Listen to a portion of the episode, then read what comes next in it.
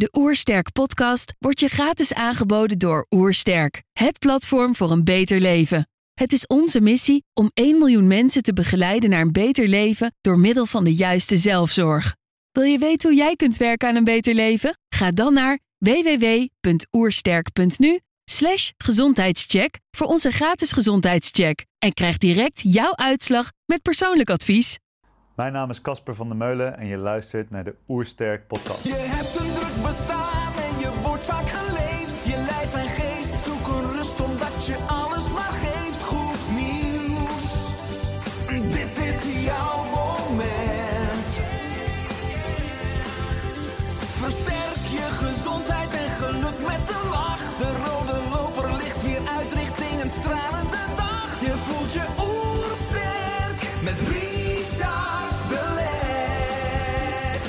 Zijn in Heemskerk voor een podcast met Casper van der Meulen.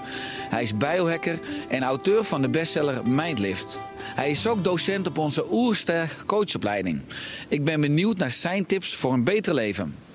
Trouwens, geniet je van onze podcast? Abonneer je dan en laat een reactie of review achter. Zo help je ons om het gezondheidsvirus te verspreiden. Let's start. De Oersterk Podcast. Een ontdekkingstocht naar een beter leven. Casper, welkom. Eh, ik lees, eh, ook eh, als ik eh, online over je zoek. hij ging van te dik, opgebrand en ongelukkig naar een levensstijl van focus, fitness en persoonlijke vrijheid. Hij stelde zich op als menselijk proefkonijn en testte wat hij kon vinden. Hij optimaliseerde zijn leefstijl, overwon de kou, verdiepte zich in menselijke oergezondheid, testte talloze diëten en onderzocht allerlei esoterische disciplines. Kun je iets meer toelichten over je levenspad? Over al die dingen. Ja, ik denk, la- laat ik nou een, een kleine vraag stellen. ja. Want ik, we kennen elkaar en ik weet dat je toen je jong was eh, iets te dik was. En dat je, je in je puberteit natuurlijk allerlei uitdagingen hebt gehad. Ja. Maar vanuit dat perspectief, hoe kom je uiteindelijk eh, eh, ja, zeg maar, dus op het levenspad waar je al deze dingen bent gaan onderzoeken en gaan integreren tot de versie die je vandaag bent? Ja. Ja, dat is een goede vraag. Ik, ik heb eigenlijk altijd ehm, uitdagingen gehad op mentaal vlak. Ik had wat moeite met me concentreren. En op een gegeven moment als kind had ik, eh, had ik al last van angstigheid en paniekerigheid. En eh, ik, was ook, ik, kon, ik kon moeilijk vrienden maken. Ik werd gepest. En het wa- waren allemaal op zichzelf staan niet enorme dingen. Maar het was altijd, ja, ik had altijd een beetje een, een collectie van... eh, een mixed bag met, al, met, met, met dat soort ja, zeg maar ellende. En een, een hele grote, een heel groot kantelpunt wat daar was, was toen ik een jaar of negen was. En met spiertesten kreeg ik eh, advies om, eh, om geen suiker en zuivel eh, meer tot me te nemen. En dat was eigenlijk voor het eerst dat, dat een, een bewuste zeg maar, leefstijlinterventie voor mij echt heel veel uitmaakte.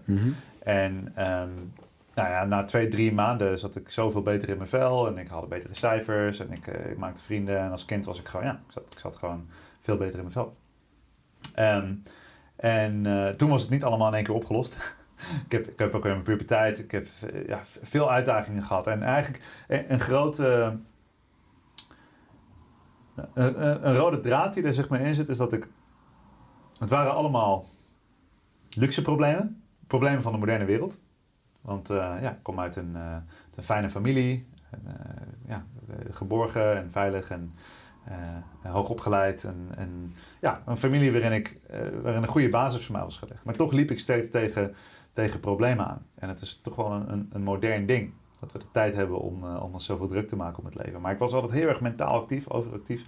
Maakte me heel veel zorgen. En eh, ja, in het Engels hebben ze het mooie woord anxiety, wat eigenlijk het heel goed omschrijft. De hele tijd zo'n constante spanning van, van stresserigheid. En het leidde ertoe dat ik heel veel ging zoeken in allerlei eh, substanties en in afleidingen, series en gamen en roken en blowen en drinken. En, en dat ik me daar heel makkelijk in, in verloren raakte. Ik was niet een hardcore verslaafde, maar het was de hele tijd maar uit het moment, uit het hier en nu, niet voelen, niet voelen.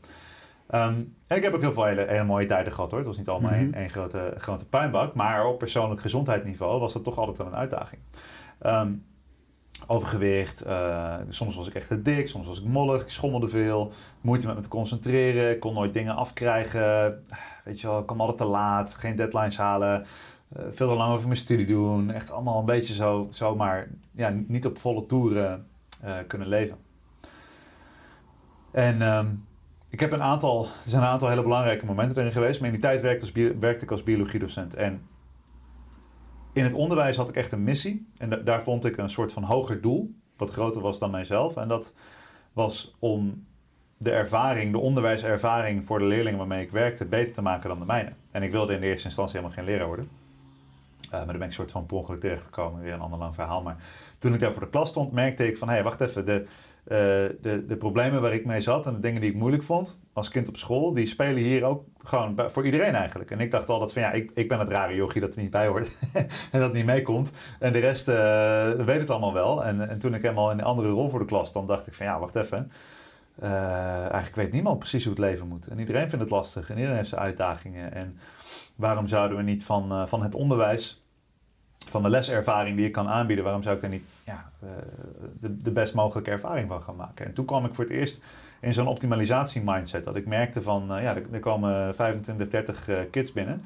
En daar kan ik een uur mee werken en ik kan ze in een, in een verhoogde, betere, fijnere staat weer naar buiten sturen. Nog niet eens focusend op de inhoud, maar ik dacht van ik wil, wil met die kids werken, ik wil er wat voor doen. En dat is eigenlijk waar, dat, waar, waar de optimalisatie mindset voor mij kwam kijken. Dat ik dacht van, ja, daar moet toch wat te halen zijn in de moderne wereld. Er is zoveel mogelijk.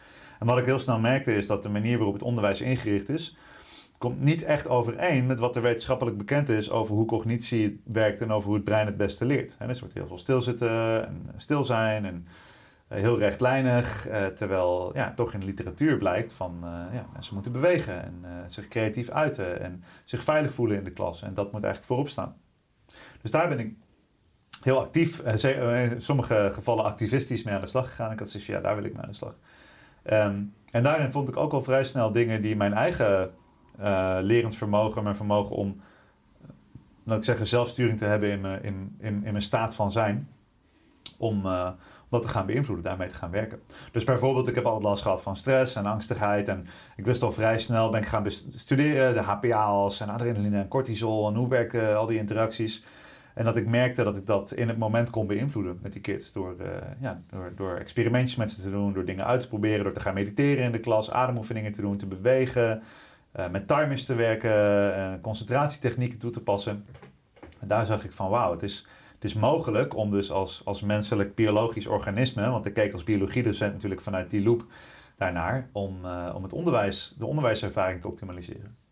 En het grappige was dat eigenlijk waren het mijn leerlingen die me erop wezen dat ik dat ook op mezelf eh, meer moest toepassen. En zeker in een, in een fase dat ik dat werk heel serieus nam en eh, ook het persoonlijk nam. En kinderen met allerlei verhalen, thuissituaties bij me kwamen. Dat was, dat was ook wel heftig. Dat ik, ja, de kinderen die kwamen bij me met hun verhaal. En ik, kreeg opeens een doorsnede van de samenleving. En ik dacht van wow, mensen maken echt, echt zware dingen mee. Brene Brown zegt, everybody has a story that will break your heart. En dat, dat was werd heel duidelijk daar.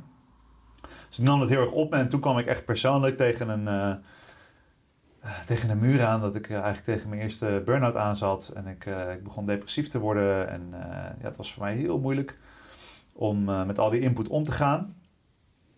En toen had ik zoiets van, ja, ik, ik ga al deze dingen eerst op mezelf toepassen. Voordat ik denk dat ik het onderwijs kan veranderen en het systeem kan vernieuwen, moet ik eigenlijk eerst mezelf gaan vernieuwen. En ja, met mijn eigen interne blokkades eerst gaan wegnemen. Om, om meer voluit te leven. En dat is hoe ik op het pad ben gegaan van zelfoptimalisatie. En eh, met biohacking bezig ben gegaan. En allemaal verschillende dingen heb getest eh, die je net noemde. Dat is uiteindelijk dan geleid tot eh, mijn boek Mindlift. Wat nu inmiddels al vijf jaar geleden is uitgekomen. En eh eh, hard toe aan een vervolg waar ik nu aan aan het schrijven ben. Ja, en sindsdien mag ik, eh, mag ik dit leven leven. En, en eh, naar fantastische plekken toe gaan om dit verhaal te vertellen. En allerlei verhalen te vertellen en over deze thema's te spreken. En eh, ja, de hele tijd zie ik dezelfde dingen. Mensen lopen tegen dezelfde uitdagingen aan. Eigenlijk de, ja, de, de, de oeruitdagingen die we allemaal hebben in de moderne wereld. Ehm, en overal waar ik kom, zie ik mensen die, die op dat kantelpunt staan van... ik heb op een bepaalde manier geleefd tot nu toe... en ik wil in een nieuw leven stappen en nu heb ik daar tools voor nodig. En eh, ja, in veel gevallen mag ik daar dan zijn om, om die tools aan te reiken. Ja, het is fantastisch. Mooi. Ik hoor je zeggen, het onderwijs sluit eigenlijk niet aan bij de wetenschap van hoe leren werkt en hoe ons brein werkt. Ik heb je ook eens horen zeggen, de geneeskunde sluit eigenlijk niet aan bij de wetenschap hoe ons lijf werkt. Eh, het zijn beide natuurlijk twee logge instituten. Maar puur als je kijkt naar het onderwijs waar je uit voorkomt... en waar je enorm eh, ja, gefascineerd en verwonderd eh, les gaf... wat denk ik enorm aansprekend was voor degene die les van jou hadden... Er zijn ook veel mensen die eh, naar deze podcast luisteren of kijken... die in het onderwijs werken. Wat zou nou een simpele tip zijn die je zou kunnen integreren als docent... om ervoor te zorgen dat eh, ja, de informatie of de boodschap die je overbrengt eh, beter blijft hangen? Dat is een mooie vraag. Ehm, nou, het, begint dus aan de meer filosofische kant op wat je net zegt. Gaat het er heel erg over om te zien van wat is nou eigenlijk het doel van het onderwijs of van de zorg, hè, van het medisch stelsel. Ehm, nou, van oorsprong, of historisch gezien, is het doel om een populatie te creëren die productief is. Dus het land moet draaien. De fabrieken moeten draaien. Het, het- het moet gebeuren. hè. Er moet voedsel geproduceerd worden. Nou, het moet allemaal geregeld zijn. Een economische grondslag. En dus. de economische grondslag. Ja, we, hebben- we moeten gewoon overleven als land. En dat Ja. is dat- 100 jaar geleden was dat gewoon een, een reëel ding. Zelfs in het, in het, in het moderne Westen, eh, waar toch al welvaart was. Ja, zelfs nog als je 100 jaar terug in de tijd gaat, de gemiddelde levensstand was wel op het punt dat iedereen zoiets van ja, je gaat gewoon naar school, je gaat stilzitten met je kop dicht, je luistert naar de leraar. Je studeert, dan krijg je een baan en die baan die kan je 40 jaar doen en dan is het klaar en dan kan je chillen en zo werkt het. En dat levenspad, dat werkte, want dat, dat was de belofte, die klopte. En ja, dat is de, de motor die het leven draait. Waar, wat dus ook betekent dat, ehm, dat ja, het volk, de mens, eh, zijn levenskwaliteit soms moet op- opofferen voor die productiviteit. En je individuele levenskwaliteit moet soms in dienst staan van de productiviteit van het land. Dat is hoe het geweest is. Nu zien we eigenlijk dat bijna alle kwalen en ook problemen in scholen en uitdagingen, burn-outs bij kinderen van 15, eh, steeds meer kinderen in het onderwijs die chronisch aan de medicatie zitten voor concentratie, depressie, antipsychotica, dingen, verslavingsproblemen, gamen en, eh, nou, dat, en dat is natuurlijk ook eh, ja, wat, wat uiteindelijk in, in de zorg terechtkomt. Dat dat in, een bepaald opzicht, niet, dus niet alles, maar in een bepaald opzicht ook te maken heeft met dus het opofferen van levenskwaliteit voor productiviteit. Nu zijn we op een punt in de ontwikkeling van de maatschappij, van de mens misschien wel, dat we eigenlijk moeten gaan kijken van oké, eh, al, al die welvaart en rijkdom en, en mogelijkheden die we hebben, hoe kunnen we die inzetten om de individuele levenskwaliteit weer, weer belangrijker te gaan maken. En ik zeg weer, want ik denk dat, dat de, eh, volgens mij schreef eh, in, in het boek Sapiens wordt het mooi omschreven hoe de, de jager-verzamelaar een hogere levenskwaliteit had dan, dan, dan de, de fabriekswerker of mensen in de agrarische tijd. Nou is het zo dat die levenskwaliteit opofferen voor productiviteit, dat is een beetje het oude paradigma. Dus nog meer werken en nog meer doorzetten en altijd targets halen en daar je slaap voor opofferen en je vitaliteit en je energie en je gezinstijd en je herstel. Ehm, en er is tijd voor een, een, een nieuw tijdperk, denk ik, waarin mensen dus gaan afvragen: nee, wat is mijn individuele levenskwaliteit? En dat is net zoals jij, dat je, ja, soms kun je mensen fel- feliciteren met een burn-out. Want het is een, een gezonde reactie op, op, op roofbouw plegen op je lijf. Dan moet je op een gegeven moment eruit knallen. En dan kun je een keuze maken. En dan zie je dus mensen die, die, tot, die tegen die muur aanlopen, waar ik zelf ook tegenaan liep. En dan een keuze moeten maken, of nou, een bewuste keuze kunnen maken om te zeggen van... Ja, vanaf nu ga ik dus mijn levenskwaliteit voorop stellen. En die productiviteit, dat komt daar wel weer uit voort. En dat is een beetje het tijdperk. Dus ehm, wat er nodig is in het onderwijs, denk ik, is dat, dat, je, dat ehm, het onderwijs wordt heringericht om mensen zelfsturend te maken. Want de informatie en de kennis die ligt er wel. Maar vooral hoe stel je een goede vraag en hoe beoordeel je de kwaliteit van de informatie die je tot je neemt? Hoe beoordeel je je eigen leerproces? En, eh, dus dat is metacognitie eigenlijk. Dus alle vaardigheden die je een zelfsturend mens maken. En als je eh, in, het moderne wereld, in de moderne wereld afgeleverd als iemand die heel goed is en alleen maar de opdrachten uitvoeren die je gepresenteerd worden en, en binnen de lijntjes lopen. En dan kom je opeens in een wereld die super innovatief is en die niet meer werkt op de manier zoals je opgeleid bent, dan loop je tegen die muur aan. Dus als je altijd, alle eh, gezondheidsadviezen hebt gevolgd en je bent niet gezond, loop je tegen die muur aan. Nou, als je dan geen zelfsturing hebt, wat ga je dan doen? Dus ik denk dat het doel van het onderwijs moet worden, niet om informatie over te dragen, maar eigenlijk is het heel eenvoudig. Het onderwijs moet mensen afleveren die hun eigen leren kunnen sturen en die hun eigen gezondheid en welzijn kunnen sturen. Die twee dingen. Want voor de rest, als je dat zelf kunt sturen en je kunt zelf je bronnen raadplegen en kunt experimenteren en dingen proberen, dan ben je heel ver. Ehm, dan, dan kun je gedijen in de moderne wereld. Dus praktisch gezien, de meest eenvoudige eh, manier om dat te gaan doen is, is om het gesprek aan te gaan met een klas. en om het eh, experiment te gaan voeren. En om dus niet meer te zeggen, kijk, dit is hoe de wereld werkt, luister naar wat ik zeg, dan kan je in die wereld stappen. Maar om te gaan kijken, hey, hoe zitten we in elkaar? Ehm, en om daar dus tijd voor uit te trekken. En hoe ik dat heel, heel praktisch deed, was bijvoorbeeld, ehm, ik las een studie over de concentratiespannen. En het werd vrij duidelijk dat zeg maar, zo'n kwartier voor de gemiddelde puber is, is wel een beetje waar de concentratiespannen eindigt, waar ze, ja, waar ze af gaan haken. Dan gaan ze allerlei gedrag vertonen wat wij als storend zien. Zoals bijvoorbeeld bewegen en friemelen, wiebelen, water willen drinken, naar buiten staren. Wat eigenlijk natuurlijk pogingen zijn om je te concentreren. Want het is beweging en van beweging ga je weer concentreren. Ehm, dus ik dacht van wat nou als ik dat ga respecteren? En ik ga ze geen reden meer geven om afgeleid te moeten raken. Ik, ik ga gewoon niet over hun grens heen. En dat ik dus uh, met timers ging werken. En dat ik zei van oké, ik ga nu uh, eh, 10 minuten theorie. Wat ik van je nodig heb, is je zit stil op je plek.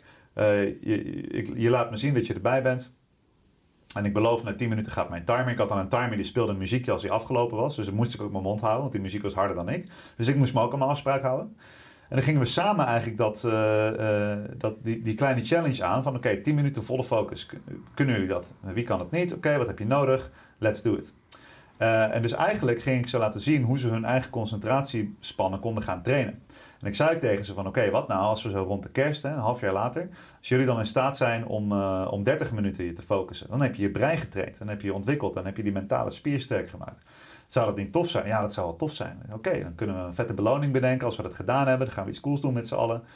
Um, en dan gingen we trainen. Dus het metaproces van hoe werkt je brein en hoe kun je je brein ontwikkelen, naast de lesinhoud zetten, dat creëert zelfsturende mensen. En uh, ja, dat, dat, is heel eenvoudig met timertjes en muziekjes en beloningjes. En, uh, en dat werkte eigenlijk heel goed. Mooi, je zegt het doel van het onderwijs is dan tweeledig. Het leren kunnen sturen en je vitaliteit, je gezondheid kunnen ja. sturen. Eigenlijk op beide aspecten falen we nu. Als je kijkt natuurlijk naar de moderne maatschappij, het moderne leven... dan zie je dat heel veel mensen chronische stress hebben. Uh, wat tot uiting komt in uh, moeheid, in prikkelbaarheid, in laag ja. libido, in slaapproblemen, in gewichtstoename.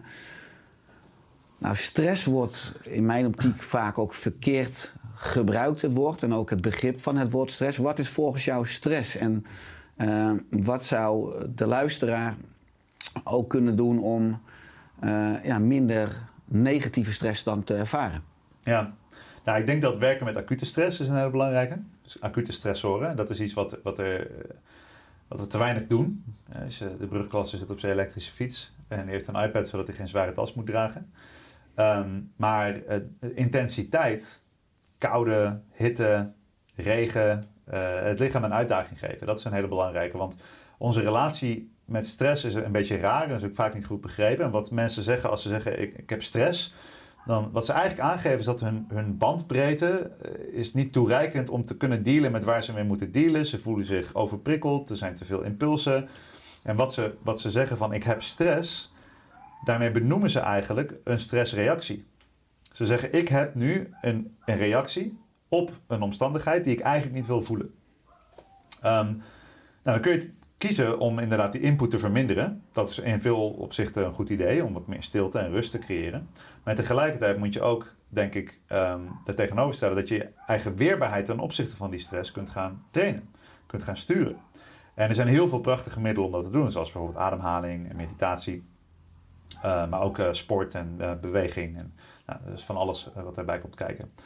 Um, dus ik denk dat uh, dus veel mensen die tegen veel stress aanlopen, die gaan proberen stress te minderen. Ik denk dat je tegelijkertijd ook je stressweerbaarheid moet verhogen. Uh, zorgen dat je zenuwstelsel kan schakelen. En eigenlijk wat, waar het op neerkomt, is dat mensen vast komen te zitten in één staat van zijn. Dus meestal is dat een staat van aanstaan. Nou, en uh, vanuit de biologie zie je, het, het vorm past zich aan een functie. Dus als je een functie vraagt van je lijf, dan wordt je lijf daar beter in. Dat is prachtig ontwikkeld. Hè? Dus als je je bicep gaat trainen en je zegt tegen je lijf: Ik heb die bicep nodig, wordt die groter en sterker. Het is hetzelfde met sympathische zenuwstelselfunctie, die stresskant. Dus als je een leven hebt waarin je altijd aanstaat en altijd in die cyclus zit van je wordt wakker, boem, cortisol gaat aanknallen, go, go, go. Uh, ja, dan wordt je lijf heel goed in die functie ondersteunen, want die vraag je van mhm. je functie, uh, van, van je lijf. Um, dus het lastige is als mensen vastkomen te zitten boven in die actiestand en dus ook niet meer een een stresspiek kunnen hebben. Zoals een achtbaan, eh, een spannende date, eh, een ijsbad, een sauna, een workout. Dus de belastbaarheid wordt minder, omdat die belasting er constant is. Ehm, en als ze er dan zeg maar uitknallen, om maar zo te zeggen, of zo raken chronisch vermoeid, of zoals je zegt, ze ondervinden gezondheidsproblemen, dan ehm, merken ze, dan schakelen ze vaak helemaal naar beneden, naar een helemaal ruststand, en dan raken ze daar weer in vast.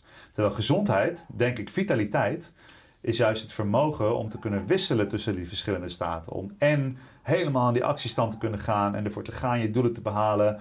Eh, weet je wel, go, go, go. En ook helemaal te kunnen ontspannen en te relaxen en, en, en intiem te kunnen zijn en, en eh, rust te kunnen vinden.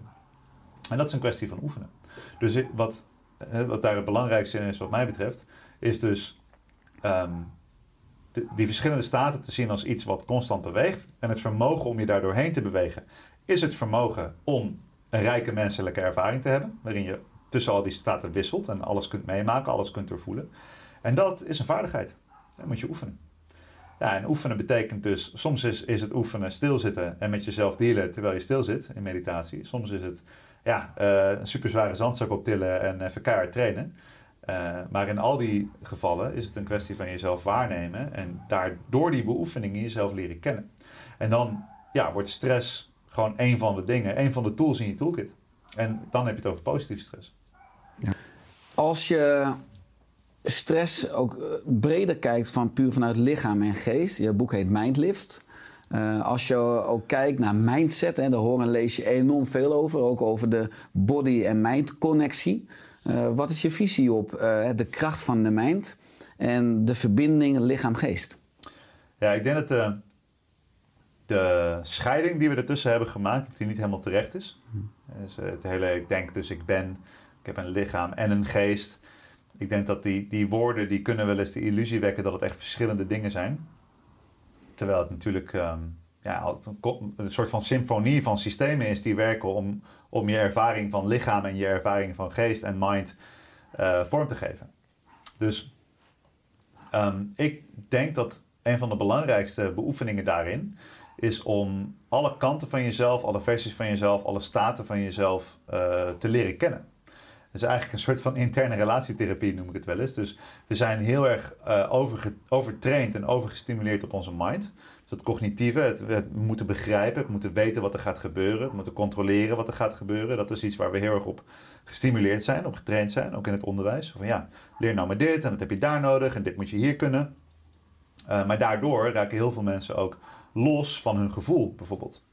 Uh, ja, en als je nooit contact maakt met je gevoel, dan kan het gevoel heel eng zijn. En dan is het veel comfortabeler om uh, met je mind heel veel dingen te bedenken om dat gevoel niet te hoeven voelen.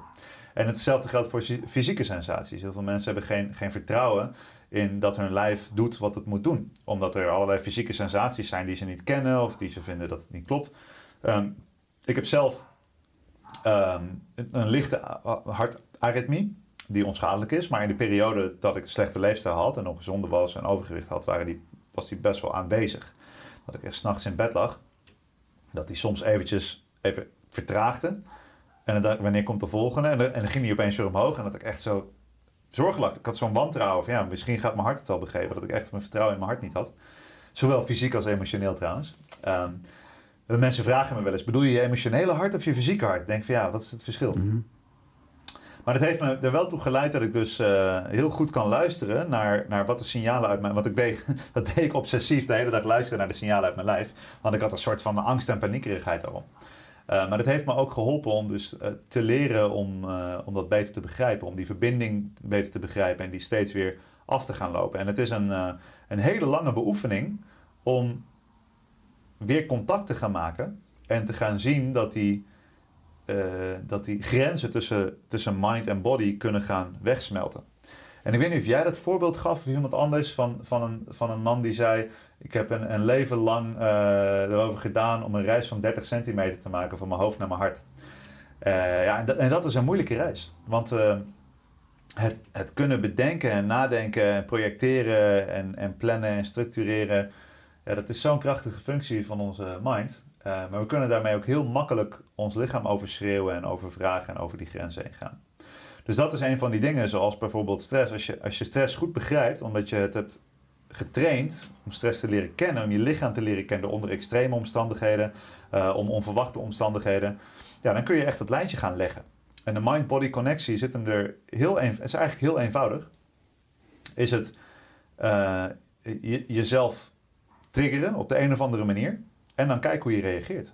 Waarnemen. En dat is iets wat je kunt doen uh, met sport, met meditatie, met beweging, maar ook in sociale situaties. Dus om meer vanuit de waarnemende zelf te gaan leven, zoals ze dat in meditatie ook heel mooi noemen. Hè? Dus je hebt je, je fysieke sensaties, je hebt je emoties, je gevoelens, je hebt je gedachten, je hebt ervaringen en dat komt en dat gaat allemaal.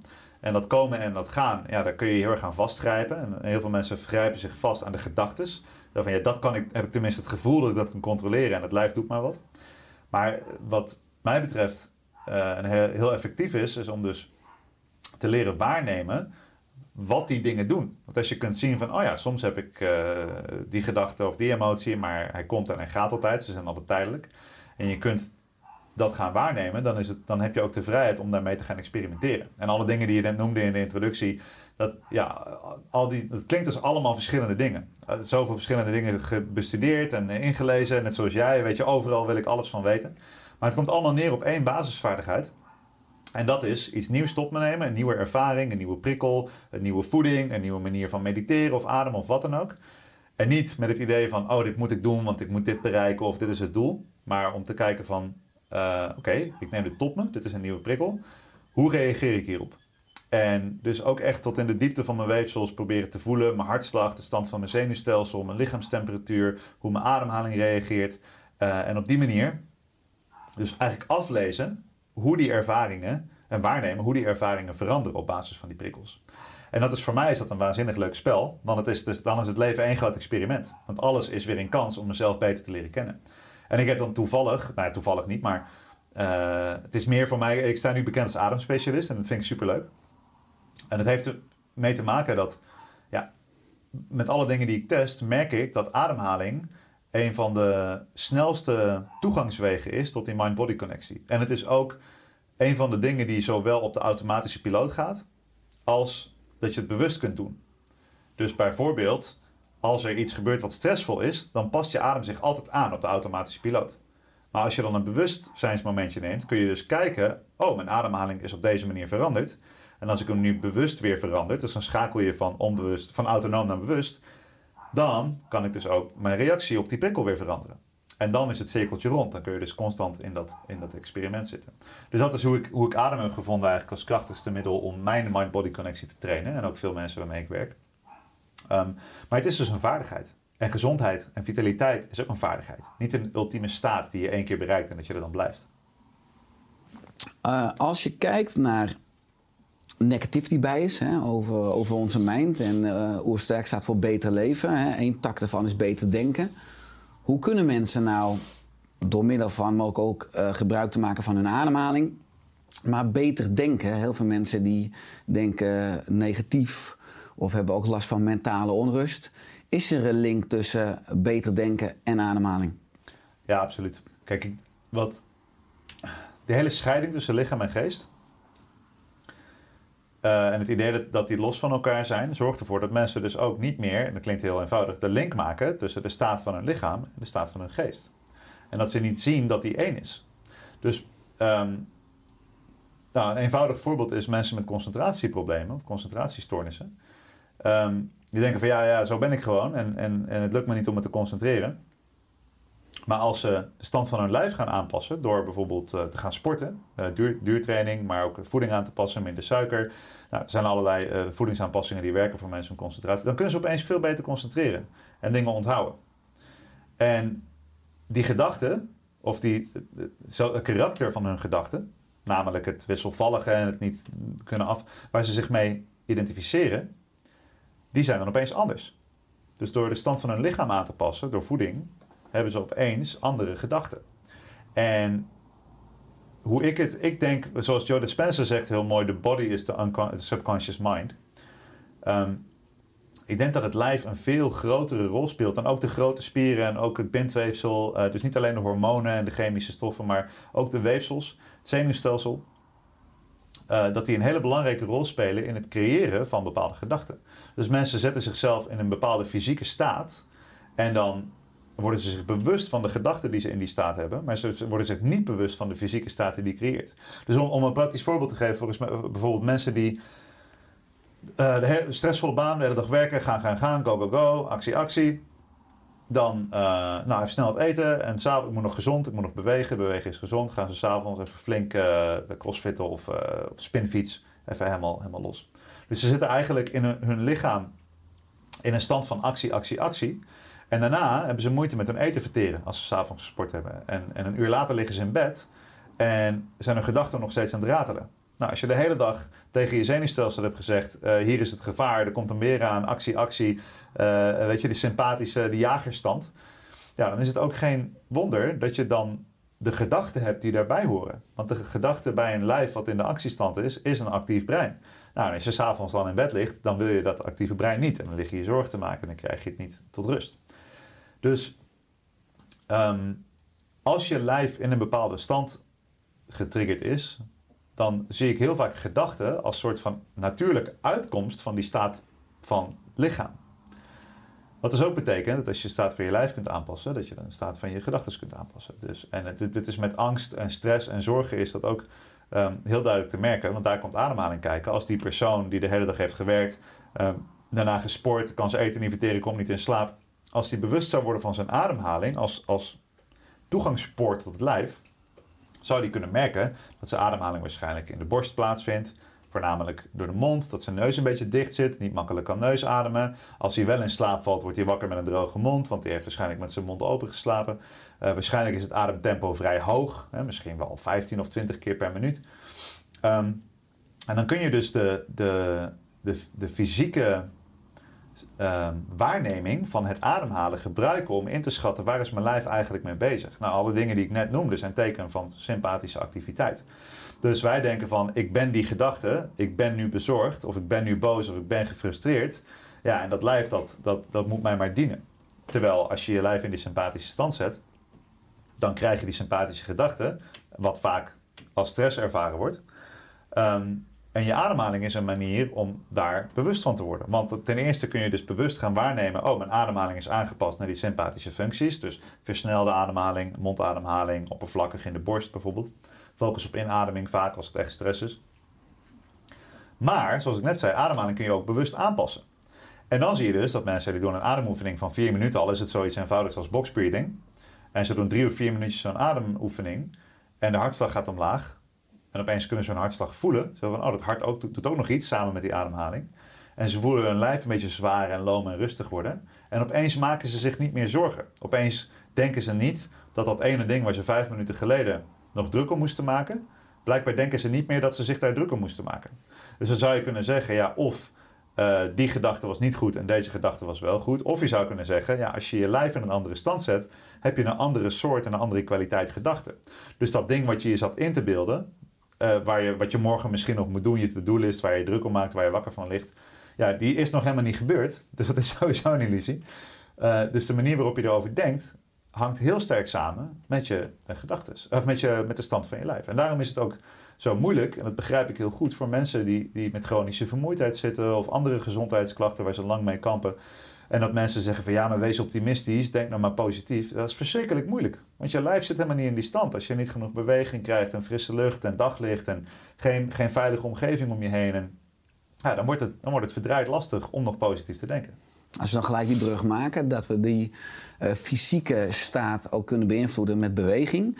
Ik hoorde jou praten over een bewegingsdieet. Nogmaals, heel veel mensen die hebben een kantoorbaan of die zitten de hele dag stil en die denken drie keer in de week dat te kunnen compenseren met crossfit of met een sportschool of met uh, intensief sporten. Ja. Wat zou nou een betere of een gezondere manier zijn van bewegen? Of als je hem nog wat breder trekt met een beetje acute stress van trainen? Um ja, ik denk dat de, de trainingsprikkel, die is hartstikke mooi om gematigd uh, toe te dienen. Want het is heel belangrijk om echt in die, in die zone te zitten dat je ook daadwerkelijk beter kan worden. Er zijn ook mensen die zichzelf, de meeste mensen, het is een beetje ook zo'n extreem ding wat mensen doen. Het is of niks of het is overtrainen. Maar met een bewegingsdieet bedoel ik eigenlijk, uh, hoeveel beweging is er in je dag? En bij beweging, gaat, beweging gaat het ook niet alleen om hoeveel je kunt bewegen, of hoe, hoeveel je in. Dus, dus met voeding kun je zeggen: It's not about what you ingest, but what you digest. Ik weet niet van wie die quote is, maar het is een hele goede.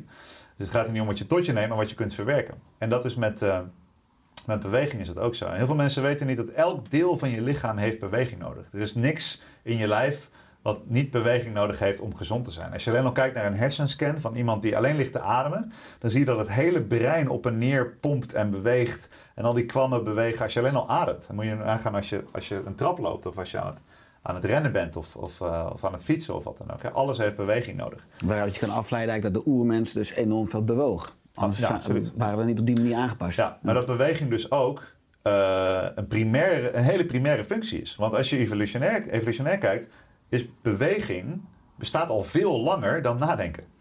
Dat je nadenken is echt een nieuwkomer evolutionair gezien. Die prefrontale kwap, hoe lang is die er nou? Voor zover we weten, 100.000 jaar zoiets. Hoe lang bestaat beweging al? Nou, altijd eigenlijk, weet je. Beweging is het ding, een van de, van de dingen die laat zien dat er leven überhaupt is. Dus ik las ook een statistiek dat iets van eh 80% of zo van de hersencapaciteit eh, naar beweging gaat. En, en dan specifiek met het inschatten van waar is het lijf ten opzichte van zwaartekracht. En beweging betekent niet altijd jezelf eh, in een strak pakje in een klam zaaltje in het zweet werken. Beweging betekent ook van houding wisselen. Dus als ik aan het werken ben, als ik een dag kantoorwerk heb, ik heb verschillende eh, dingen waar ik mijn laptop op zet. Ik heb mijn tafel, ik heb een bu- bureautje op de grond en ik zit in drie of vier verschillende houdingen. En als ik, als ik een kantoordag heb van acht uur of een schrijfdag, creatief werken, ja, dan heb, gebruik ik diezelfde timer waar ik het over had, die ik voor mijn leerlingen gebruik. Die gebruik ik om van houding te wisselen. Want ik denk eh, dat, dat, eh, dat er, is niet één perfecte houding. Eh, een, een vriendin van mij is, Trisha heet ze, die is uh, chiropractor en die zegt: The best position is the next position. Want nu denken mensen: ja, zitten is het nieuw roken, nu ga ik staan, dan ga je acht uur per dag stilstaan werken. Dat is alsnog niet interessant voor je lijf of voor je brein. Het gaat erom de hele tijd weer een nieuwe interessante input die je lijf ook kan verwerken. Dus ehm, als ik eh, een dag van acht uur kantoor of creatief schrijfwerk doe, ja, dan, dan, dan ga ik zo makkelijk twaalf verschillende yoga poses door. Dus ik zet een, eh, een, een timer voor een half uur. Half uur lang volle focus. Als die timer gaat, sta ik meestal even op. Ik doe vaak een handstand of ik loop even de tuin in. Lekker met mijn blote voeten in het gras. Dat is ook al bewegingsinput. Hè? Dus het is zo eenvoudig. Of ik loop even de trap omhoog. Doe even de was. Wasvouwen. Fantastische meditatieve activiteit midden in de dag. Ehm, en dan ga ik terug naar mijn werk en dan ga ik in een andere houding verder werken. En soms is het verschil tussen een kleermaker zitten of op mijn knieën zitten. Soms ga ik op mijn buik liggen en eh, liggend typen. Of ik heb zo'n rond ding waar ik overheen lig met mijn rug als ik op mijn telefoon moet werken. Ja, en dat zie ik echt als een bewegingsdieet. En dat gaat dus ook, heel veel mensen denken van ja, stappen tellen, ik moet 10.000 stappen per dag. Ja, op zich. Maar je kunt ook een andere uitdagende houding nemen. Of in een, in een, in een squat te gaan zitten in rust, weet je. Dus, en het leuke is, het is ook speels. Ik speel spelletjes met mezelf. Het is niet iets wat ik mezelf afdwing. En zeker dwing ik mezelf niet af om de hele dag in die stoel te zitten. Maar beweging in verschillende houdingen. En ook, weet je, de oermens... eh, Een stoel... Een oermens is geen stoelmens, weet je. En de meeste mensen hebben een houding die alleen maar een stoel is. En dan gaan ze naar bed en dan liggen ze ook nog zo. En dan zitten ze in de auto zo. En dan zitten achter het bureau zo. En het is altijd alleen maar die vorm van die stoel. Terwijl, ja, de, de, de, de oermens zat volgens mij ook veel. Die zat zat. En soms zat hij op zijn hurken en soms op zijn knieën. En soms eh, op zijn, met zijn billen op de grond en soms op een boomstronk. En ik denk dat dat vooral, die verschillende inputs, dat, eh, dat die zo belangrijk zijn. Ik denk dat de ergonomische stoel, het is grappig weet je, het is zo'n ding hoe de, mensen, hoe, de moderne mens werkt. Bijvoorbeeld, lightproduct is ook zo'n voorbeeld. Het probleem is, mensen eten te veel. Oh, wat gaan we doen? We geven ze iets waarvan ze het gevoel hebben dat ze altijd heel veel kunnen eten. En dat zijn lightproducten. Ja, wat hebben we? Een generatie overgewicht. En is dit, nou, zitten is slecht voor mensen. Dus wat doen we? Een hele chique, dure ergonomische stoel, zodat ze nog meer van het ding wat al slecht voor ze was, meer kunnen gaan doen. En in plaats, ik denk van ja, je kan beter die ergonomische stoel eruit gooien en gewoon op een harde houten plank gaan zitten, waardoor je in ieder geval de behoefte hebt om na een half uur op te staan, weet je. Dus dat is een bewegingsdieet. eh, gaat vooral om op alle creatieve manieren interessante impulsen aan je lijf te geven. Ja, want het is interessant. Hè? Ik hoor je over, eh, over, eh, over ontspanning met ademhaling, over de kracht van mindset en het samenspel lichaam-geest, over beweging. Nou, je hebt ook een eigen sportschool in Utrecht, eh M-Lab.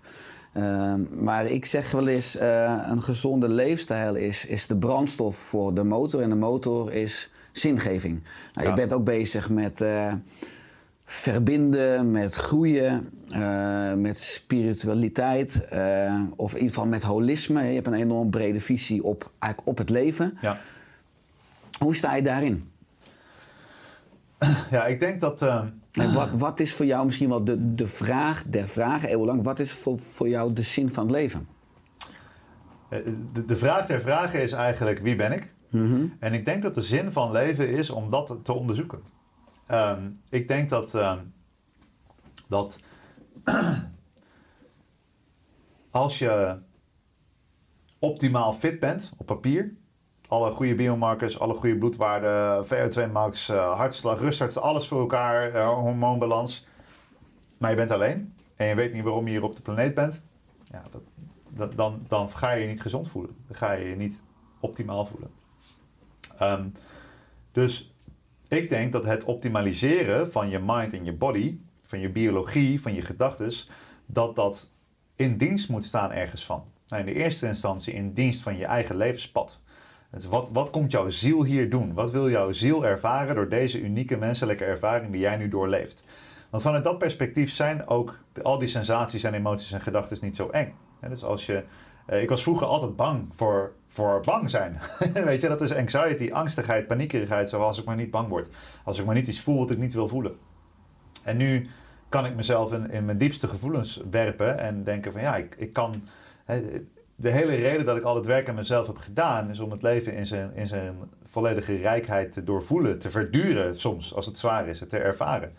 Eh, om een zo rijk mogelijke menselijke ervaring te hebben. Eh, met alle ups en downs en alles wat erbij komt. Daarin is inderdaad verbinding heel erg belangrijk. Dus MLab, Move, Lift, Act, Breathe, die we in Utrecht zijn gestart. Eh, ja, het is een gym. We trainen het zenuwstelsel, we trainen ademhaling, intensieve krachttraining. Maar het is ook een plek waar mensen verbinding vinden. En dat is eigenlijk het belangrijkste. Die derde plek naast je huis eh, en je werk. Waar ga je heen om, om echt verbinding te voelen in een tribe, gelijkgestemde? Ehm, eh, en dat is ook wat ik voel als ik met, met Oersterk werk in de Academy. Er zijn mensen die van over het hele land op hun eigen eilandje een, mafkees zijn, een zwart schaap zijn. En ze komen hier samen en ze komen in een warm bad van herkenning. En ze zeggen, ja, ik heb vanochtend, nu vandaag nog, hè, we een trainingsdag gehad. En eh, tijdens het intro-rondje zeggen mensen van, nou, ik had net zo echt het beste gesprek wat ik de hele eh, afgelopen vijf jaar heb gehad met iemand die ik net vijf minuten ken. En dat is waar het om gaat. En ook die Hè, die zielen die hier zijn om iets te doorvoelen en te ervaren, die op, op hetzelfde pad zijn, ja, die willen elkaar vinden en verbinden. Ik ben met, eh, met Wigert nu een nieuw project gestart, ook daarvoor. Dat heet Avani, Wigert van de Eindbazen. Zaad. En ehm, het gaat ook daarover. Kunnen wij in Nederland een stam bouwen die elkaar op die manier steunt? En, en jij zei net inderdaad aarde en verbinden en groeien. En ik denk inderdaad dat het vermogen om dus eerst echt thuis te komen in jezelf, je eigen eh, biologische ruimteschip waarmee je op deze prachtige eh, planeet eh, gekomen bent, om die echt te geven wat het, wat het verdient. Die prachtige machine, in welke staat die ook is, of je hem te groot, te klein, te dik, te dun, te ziek, te wat dan ook vindt. Het is wel jouw prachtige machine. En eh, daar kun je voor zorgen. En ik denk dat, het, dat, dat de start echt daar zit ehm, om, om daar... ehm, om daar de best geoliede machine van te maken die je ervan kunt maken. En daarvan uit je mind kunt optimaliseren, je, je mentale energie kunt richten op de dingen die je belangrijk vindt. Dat is focus. Hè. En daarmee kun je de resultaten cultiveren die je belangrijk vindt in je leven. Ehm, eh, want het begint heel erg vaak bij jezelf vertrouwen en jezelf werken. Maar al die dingen, wat mij betreft, moeten ertoe leiden dat, dat dat je dus beter in staat stelt om verbinding te maken met gelijkgestemden. Zodat je echt op zielsniveau kan zeggen van ja, dit zijn mijn mensen. Dit is wat we hier komen doen op deze... Dit is hoe wij elkaar hebben leren kennen, weet je wel. Zo van ja, oké, dit is er eentje. Hier ga ik mee aan de slag. En, en die verbinding ehm, met andere mensen, ik denk dat het, het, uiteindelijk het hoogste doel is dat dus het vermogen om vitaal te zijn, om gezond te zijn, om scherp te kunnen denken, vanuit die persoonlijke gezondheid te verbinden met anderen op hetzelfde pad. Die leidt dus tot eigenlijk een modus van zelfexpressie, dat je jezelf kunt uiten, dat er, dat, er, dat er iets is wat zich door jouw leven uit, of dat nou je ziel is, of je purpose, of je missie, of wat het ook is. En dan, highest level is om daarmee in dienst te treden. Van wat dan ook, van wat je belangrijk vindt. Van de wereld een betere plek maken, gezondere, mooiere, schonere, eh, fijnere plek maken. Omdat je, eh, ja, ik, ik denk dat iedereen zijn unieke pad te bewandelen heeft. Iedereen heeft zijn eigen werk te doen. Voor de ene persoon is het, eh, is het eh, kunst, voor de andere is het gezondheid of eh, milieu. Maar ehm, ja, dat, dat is wat mij ook echt inspireert. Ik denk dat het daarom gaat. En als ik bezig ben met gezondheidsoptimalisatie, met groepen en werk of een retreat die ik geef, of in de cursussen, of met ademhaling of dat soort dingen. Ja, er zijn mensen die willen al die optimalisatieslagen maken, want die hebben een heel effectief leven. En die willen zeg maar 7% beter worden in hun baan. Maar ja, die baan draagt niet bij aan de wereld. Ze worden er eigenlijk alleen maar dood op en moe en ongezond van. Ze vinden het niet eens het leukste wat er is om te doen. Het is niet hun passie. Ja, ga ik dan, waar- waarom zou ik dan die persoon optimaliseren om 7% beter te worden in iets wat slecht voor je is? Of wat je niet eens wil doen, wat niet eens goed is voor de planeet, weet je wel? Dus ehm, dat bestaat. Maar wat ik het allermooiste vind om tegen te komen in dat werk wat ik doe met mensen, is dus de mensen die die, die, die omslag hebben gemaakt. Die tegen die muur aan zijn gelopen, geconfronteerd zijn met hun menselijkheid, met de uitdagingen van het mens zijn. En eh, die dat dieptepunt omzetten in een stukje levenskunst, eh, aarde in zichzelf, voor zichzelf gaan zorgen, verbinden met anderen en vanaf daar iets moois in de wereld zetten. En ik zie het ook keer op keer, zodra mensen dat pad gaan bewandelen, door die optimalisatiefase zijn geweest, ze voelen zich sterk en gezond, is bijna altijd het eerstvolgende wat ze doen, oké, hoe kan ik delen? Wat kan ik maken? Wat kan ik creëren? En hoe kunnen we samen met, met die gelijkgestemden iets creëren wa- waardoor we met z'n allen het wat beter hebben? Ja, dat, dat vind ik fantastisch om te zien. En dat zie je in alle lagen van de maatschappij, alle niveaus van gezondheid, alle leeftijden. En dat zie ik als de unieke, het unieke menselijk vermogen om te creëren. En, ja, en ik denk dat de zin van het leven is om tot dat punt te komen. Dat je tot je hoogste capaciteit, op je hoogste intentie, op je hoogste vibratie, energie, hoe je het maar wil noemen, wat voor woorden we aan aan wil geven, maar voor je hoogste purpose kunt eh, creëren en eh, ja, je, je leven als een kunstwerk neerzetten en, eh, en iets prachtigs maken. Dat is wat mij betreft waar het op neerkomt. Ja, mooi. Je bent, wat je aangeeft, docent op onze opleiding. Je bent vader. Eh, je bent bezig met een nieuw boek. Eh, je reist de hele wereld over. Je spreekt ook, ik ben een beetje jaloers op mijn vloeiend Engels. Dus dan ben je weer in Mexico, dan ben je in Amerika. En dan, eh, eh, je bent actief op eh, social media, op, op Instagram. Hè, zowel met stories als met, eh, met boeiende posts. Waar je altijd eh, prikkelende context eh, onder zet. En mensen toch even in, in, be- in beweging zet qua, qua denken en qua perspectief. Eh, wat je ook doet in deze podcast. Maar hoe zorg je in dat leven... Nou, ik weet je, een volle mailbox met, met, met, met de hele wereld die iets wil van je. Hoe zorg je voor balans vandaag? Vandaag is een goede toevoeging, want eh, voorheen was ik helemaal... Ik heb heel lang echt dat, dat ik zo in de high zat van ja, het gaat en het lekker en door en door. Ehm, ja, wat voor mij heel belangrijk is, is om dus ehm, een stapje terug te kunnen nemen in die waarnemersrol. En regelmatig in de dag momenten te nemen om me te realiseren dat al die tijdelijke dingen waar ik me mee bezig hou, mijn to-do's en mijn taken en mijn spullen en mijn geld en, en mijn klanten en mijn bedrijf en mijn gedachten daarover en mijn oordelen en mijn ideeën en dit moet nog en dat moet nog en al die behoeftes om te controleren. Niet per se om te zien dat die niet belangrijk zijn, maar om op zijn minst te erkennen dat ze tijdelijk zijn. En dat het komt en gaat. This too shall pass. Maar dat de plek waarvan uit ik al die dingen waarneem, dat die niet tijdelijk is. En daar had ik het eerder ook al over. Dat, dat, dat de waarnemer, en ik weet niet, en dat, dat is waarom ik zei, wat is, jij vroeg wat is de vraag der vragen. De vraag der vragen is wie ben ik? En ik vind dat, ik ben ook helemaal niet bezig met een antwoord daarop vinden. En elke esoterische discipline heeft daar zijn eigen antwoord op en zijn eigen variant van exact wat ik net zeg. Maar om die vraag te stellen van oké, maar wie ben ik nou eigenlijk? En al die dingen waar ik me nu druk om maak, van dit moet nog gebeuren, dat moet nog gebeuren, mailbox en stress en bedrijven en omzet en bla bla bla. Om me ook eens gewoon af te vragen van wat nou als dat nu allemaal weg was? Wie ben ik dan nog? Besta ik dan nog? Weet je wel? En alleen al het stellen van die vraag creëert voor mij een soort van ruimte in mezelf om te zien van eh, ja, dan besta ik nog. Of op zijn minst ervaren van oh ja, inderdaad, die dingen zijn niet belangrijk. Ehm, wat ik ook eh, prettig vind is om echt stil te staan bij de dood, bij de eindigheid van het leven. Als ik me helemaal kan opwinden in, in die tijdelijkheid, die dingen dag tot dag. eh, en het lukt me niet om daaruit te komen. Om diezelfde, niet alleen die vraag te stellen van als al die tijdelijke dingen weg waren, wie ben ik dan nog? Maar om me ook mezelf eraan te herinneren van ja, het kan morgen allemaal afgelopen zijn. En als ik op het punt sta om toch nog een uurtje extra te werken terwijl mijn dochter wil spelen en die is daar bezig en ik wil dat toch nog even doen, te denken van ja oké, maar het leven is voorbij voordat je het door hebt. Ik kan nu hier met de belangrijkste persoon in mijn leven verbinding maken of ik kan nog een uurtje doorwerken. Als de dood op de stoep zou staan, als ik, nog een week, als ik wist dat ik nog een week te leven zou hebben, welke keuze zou ik dan maken? Ja, dan zou de laptop het raam uitgaan. Weet je wel? Eh, dus het stelt me op scherp om, eh, om echt na te denken wat is belangrijk. Ehm, nou, en dan heb ik allerlei tools, zoals meditatie, ademhaling, beweging, eh, naar buiten natuur, lichttherapie, biohacks. Om ook ja, te faciliteren dat ik die rust pak. Maar de bewuste keuze komt vanuit eigenlijk die hogere gedachte. Die hogere gedachte van oké, maar is dit het wel? Want anders heb je ook de valkuil, dat zie je heel veel met biohackers. Die hebben allemaal tools en tricks en supplementen en dingen om, om maar even tot rust te komen. Zodat ze weer terug in die malle molen kunnen stappen.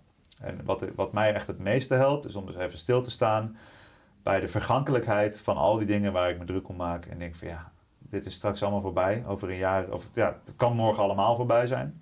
Dus laat ik maar gewoon even hier en nu zijn. Dat, dat helpt mij echt uh, het meeste. Ja, mooi. Als we dat ook praktisch maken, want ik hoor je over de start van iedere dag. Heel veel mensen, het is winter nu, die vinden het lastig om, om op te staan. Het is donker, het bed is warm. Uh, ook als je natuurlijk kijkt dat we nu eigenlijk kortere dagen hebben met minder zonlicht. Uh, voor mij heb je zelf een krachtig ochtendritueel waarmee je al gelijk zeg maar, het, uh, het licht opzoekt. Kun je daar iets over toelichten? Ja, ga naar het licht. Die, ik heb eigenlijk het afgelopen jaar ben ik bezig geweest met een lichtdieet samenstellen. En dus, dus wat voor input komt er bij mij binnen qua licht en wat kan ik daaraan doen? Dus ik probeer, ja, het is, het is wel, ik moet zeggen, in de echte donkerste dagen is het een uitdaging. Want eigenlijk wil ik, in principe, weet ik dat het voor mij het beste is. En voor over het algemeen het beste is. Om voordat ik kunstlicht binnenkrijg. En je moet het echt zien als binnen tot je nemen. Dat is echt input, voeding. Voordat ik kunstlicht binnenkrijg wil ik eigenlijk daglicht gezien hebben. Nou, dat is heel lastig, want mijn wekker gaat en ik kijk al naar mijn telefoon en de lamp gaat aan. En nou ja, goed, weet je, dat hoort erbij. De wekker zit op je, op je telefoon? Ja, ja, die ligt dan wel net buiten de slaapkamer. Dus ik moet ook mijn bed uit om daarheen te gaan. En dat scheelt ook. dan ben ik er iets sneller uit. En ik wil gewoon die telefoon niet in de slaapkamer. Of soms ligt die net om het randje, maar goed. Uh, een beetje op afstand. Um, en in de winter is het lastig. Want uh, als ik op de fiets stap om mijn dochter naar school te brengen, is het nog donker. En voor die tijd moet ik al productief geweest zijn. Dus ik gebruik vaak een daglichtlamp om de eerste 10 minuten om eventjes alvast in ieder geval mijn brein te, te triggeren van hey, dit is waar eh, het bioritme zit, dit is waar de klok zit. 10.000 lux zo'n daglichtlamp. Ja. Dus dan, je laat gelijk je, zeg maar, de kern in je hersenen weten dat het dag is. Ja, ja. ja en, en we vergeten wel eens, omdat we veel binnen zitten, dat ons bioritme is helemaal, is, nou helemaal, maar een heel groot deel afhankelijk van, van de zon. En van het licht wat binnenkomt. En ondanks dat eigenlijk uiteindelijk alles op deze planeet op zonne-energie draait, hoe je het ook bent verkeerd, vergeten we heel snel hoe belangrijk de zon is. En er is ook natuurlijk heel veel vanuit het gat in de ozonlaag en heel veel uh, angst voor huidproblemen, niet direct in de zon. mensen hebben altijd een zonnebril op en dat heeft ook een plek. Ik snap wel waarom dat zo is, maar tegelijkertijd ja, ik vind het heel belangrijk om zoveel mogelijk daglicht te pakken. En het hoeft, het hoeft geen direct zonlicht te zijn. Hè? Dus zodra, en dat is mijn volgende stap, dus als ik wakker word, is het nog donker, even 10 minuten die daglichtlamp. En ik hoef er ook niet recht voor te zitten, maar hij staat aan en ik krijg wat binnen. Soms doe ik trouwens daarvoor nog mijn infraroodlamp aan. Als ik mijn dochter niet naar school hoef te brengen en ik word wakker en ik heb de infraroodlamp boven mijn bed uh, hangen. Uh, en het heeft gewoon heel veel voordelen op het gebied van microcirculatie en ontstekingsremming, stofwisseling op gang brengen. Um, nou, allerlei voordelen om intens infraroodlicht te gebruiken. Dus als ik die tijd heb, dan doe ik voordat ik wat dan ook doe, zet ik eerst die lichtbak aan. En er zit ook felrood licht in. Uh, en dat, dat vind ik wel een hele fijne manier om de dag te starten. Meestal doe ik mijn ademmeditatieoefeningen onder die rood lichtlamp. Uh, dan de daglichtlamp, als het nog buiten niet uh, licht is. En proberen zoveel mogelijk bij het scherm weg te blijven. Ik heb mijn scherm vaak op grijs tinten staan, zodat ik niet al die verschillende kleuren en impulsen binnenkrijg. Um, en dan zodra de zon er wel is, ook als het bewolkt is, naar buiten. En sowieso, liefst, het liefst als ik thuis ben met blote voeten, naar buiten even in het gras staan. Ook als het midwinter is. En uh, mijn aarde. ogen, aarde, mijn, mijn ogen open uh, naar waar het meeste licht vandaan komt. Als het bewolkt is, dan probeer ik echt naar de lichtste plek te kijken. En als ik dan merk dat mijn ogen moeite hebben met aanpassen en dat het te schel is, ondanks dat het een bewolkte winterdag is, nou dat betekent dat ik te weinig licht binnen heb gehad. Zo, dus ik blijf dan buiten, totdat ik ook makkelijk mijn ogen buiten open kan hebben als het bewolkt is. Je moet natuurlijk niet in de recht in de zon staren. Um, en ik probeer dus in mijnzelfde, in mijn bewegingsdieet ook mijn lichtdieet op, uh, uh, op te nemen. Mensen denken, ja, het moet, zo- s ochtends is het donker als ik naar mijn werk ga. En smiddags is het donker als ik, eh, als ik weer naar huis ga. Dus ja, ik krijg gewoon geen daglicht. En die vergeten niet hoe belangrijk het is om ook gewoon eh, midden in de dag even naar buiten te gaan. Eh, elk half uur even twee of drie minuutjes wat daglicht binnenkrijgen. Dat helpt zo met die biologische klok. En ik heb het afgelopen jaar er echt een punt van gemaakt. En het, heeft, het, het is mijn slaap zo ten goede gekomen. En zeker donkere dagen eh, buiten zijn. Een stukje wandelen. Het is heel eenvoudig ook, weet je wel. Vaak heb je een hele biohacker uitleg nodig. En fysiologie en studies en alles erop en eraan. Om te zeggen, hey, ga eens gewoon even buiten een stukje wandelen. in plaats van de hele dag binnen zitten. Zo eenvoudig is het ook vaak. En, eh, ja, en s'avonds probeer ik zoveel mogelijk kunstlicht te mijden. Eh, ik heb lampen die zich aanpassen aan het dagritme. Dus s'avonds na zonsondergang worden die ook meer rood getint. Eh, mijn schermen zo laag mogelijk. Soms draag ik eh, de blauw lichtfilter. Eh, maar ik vind het ook fijn om gewoon mijn licht te, te, dimmen. Ik denk van ja, ik hoef al dat licht niet, ik hoef niet productief te zijn. S S'avonds kaarslicht vind ik ook fantastisch. Gewoon een, een vlam is ook rustgevend. Dus ja, ik probeer op allerlei manieren mijn, eh, mijn dagritme te ondersteunen met een licht ritme, een licht dieet. Maar er is net weer een nieuw boek uit over de kracht van wandelen. Dus uiteindelijk, ook als je kijkt dat wandelen een enorm krachtig preventief medicijn is. Ja. Je weet veel over, nou, over leefstijl, over voeding, beweging, ontspanning, mindset. Als je aan het einde van deze Oerstek podcast, voor zover wij dat kunnen, één praktische, laagdrempelige tip kan geven eh, voor degenen die luisteren of kijken. Waarvan je zegt, als je dit gewoon al in je leven gaat integreren of daarmee gaat spelen, dan ben je je lijf op een gezonde manier al aan het voeden. En voeden is dan breed. Ehm, ik denk dat. Ah, het is lastig te zeggen. Ja, wat ik net zei. Je mag ook twee of drie tips Ja. geven, want ik weet dat wij slecht kunnen kiezen. Nou, wat ik net zei, waar ik net mee afsluit, dat is een hele belangrijke. Dus eenvoudig natuurcontact. Dus in de natuur zijn. Dus frisse lucht, daglicht, in de buurt van water zijn, stromend water. eh, en dan wandelen. Ja, dan heb je eigenlijk alle gezondheidsbevorderende factoren die je kunt voorstellen, heb je al binnen. En het gaat op hele diepe niveaus. Als je in de buurt van water gewoon een paar diepe zuchten neemt, dan adem je alweer een microbioom van je omgeving in, waardoor je hele immuunsysteem alweer kan gaan updaten. En het, het gaat zo ver. Dus ga naar buiten. Ga naar buiten. Ga, ga naar buiten. Doe, norma- Ga naar buiten. Doe normaal. Nou, doe bijzonder is dat tegenwoordig. Om Ja. naar buiten te gaan. Eh, en eh, meer binnen mijn expertise. ehm, ik denk dat iedereen er heel veel eh, baat bij zou kunnen hebben. Heel praktisch. Om eh, elke dag, s ochtends of s avonds, een timer te zetten. Vijf minuutjes. En te kijken of je je hartslag ergens in je lijf kunt, kunt voelen. Of misschien je hand erop te leggen. Ehm, en eh, een hand op je buik, een hand op je borst. Hartslag voelen, voelen hoe je ademhaalt. En dan kijken of je je ademhaling vertraagt. En gewoon eens de vraag stellen van oké, wat nou als ik even contact maak met mijn lijf en ik voel mijn hartslag dalen omdat ik mijn ademhaling vertraag. Wat nou als de dingen waar ik me nu druk om maak of waar ik nu over nadenk er dan niet meer zijn? Dus om die link tussen mind en body. En eigenlijk met vijf of tien minuutjes per dag gewoon zitten en die vraag stellen. Dus contact maken met je lijf en bijvoorbeeld je ademhaling vertragen. Dat kan je alles leren wat je maar moet weten of ooit zou kunnen leren over die mind-body connectie. En dat is ook eigenlijk wat alle yogi masters eh, hebben gedaan in de geschiedenis. Zitten, waarnemen, voelen, contact maken, adem sturen en kijken wat er gebeurt. En het is een hele vage opdracht. En ik denk dat het belangrijk is om vage opdrachten te hebben. Want iedereen wil een protocol. En even een protocolletje aframmen en weer verder.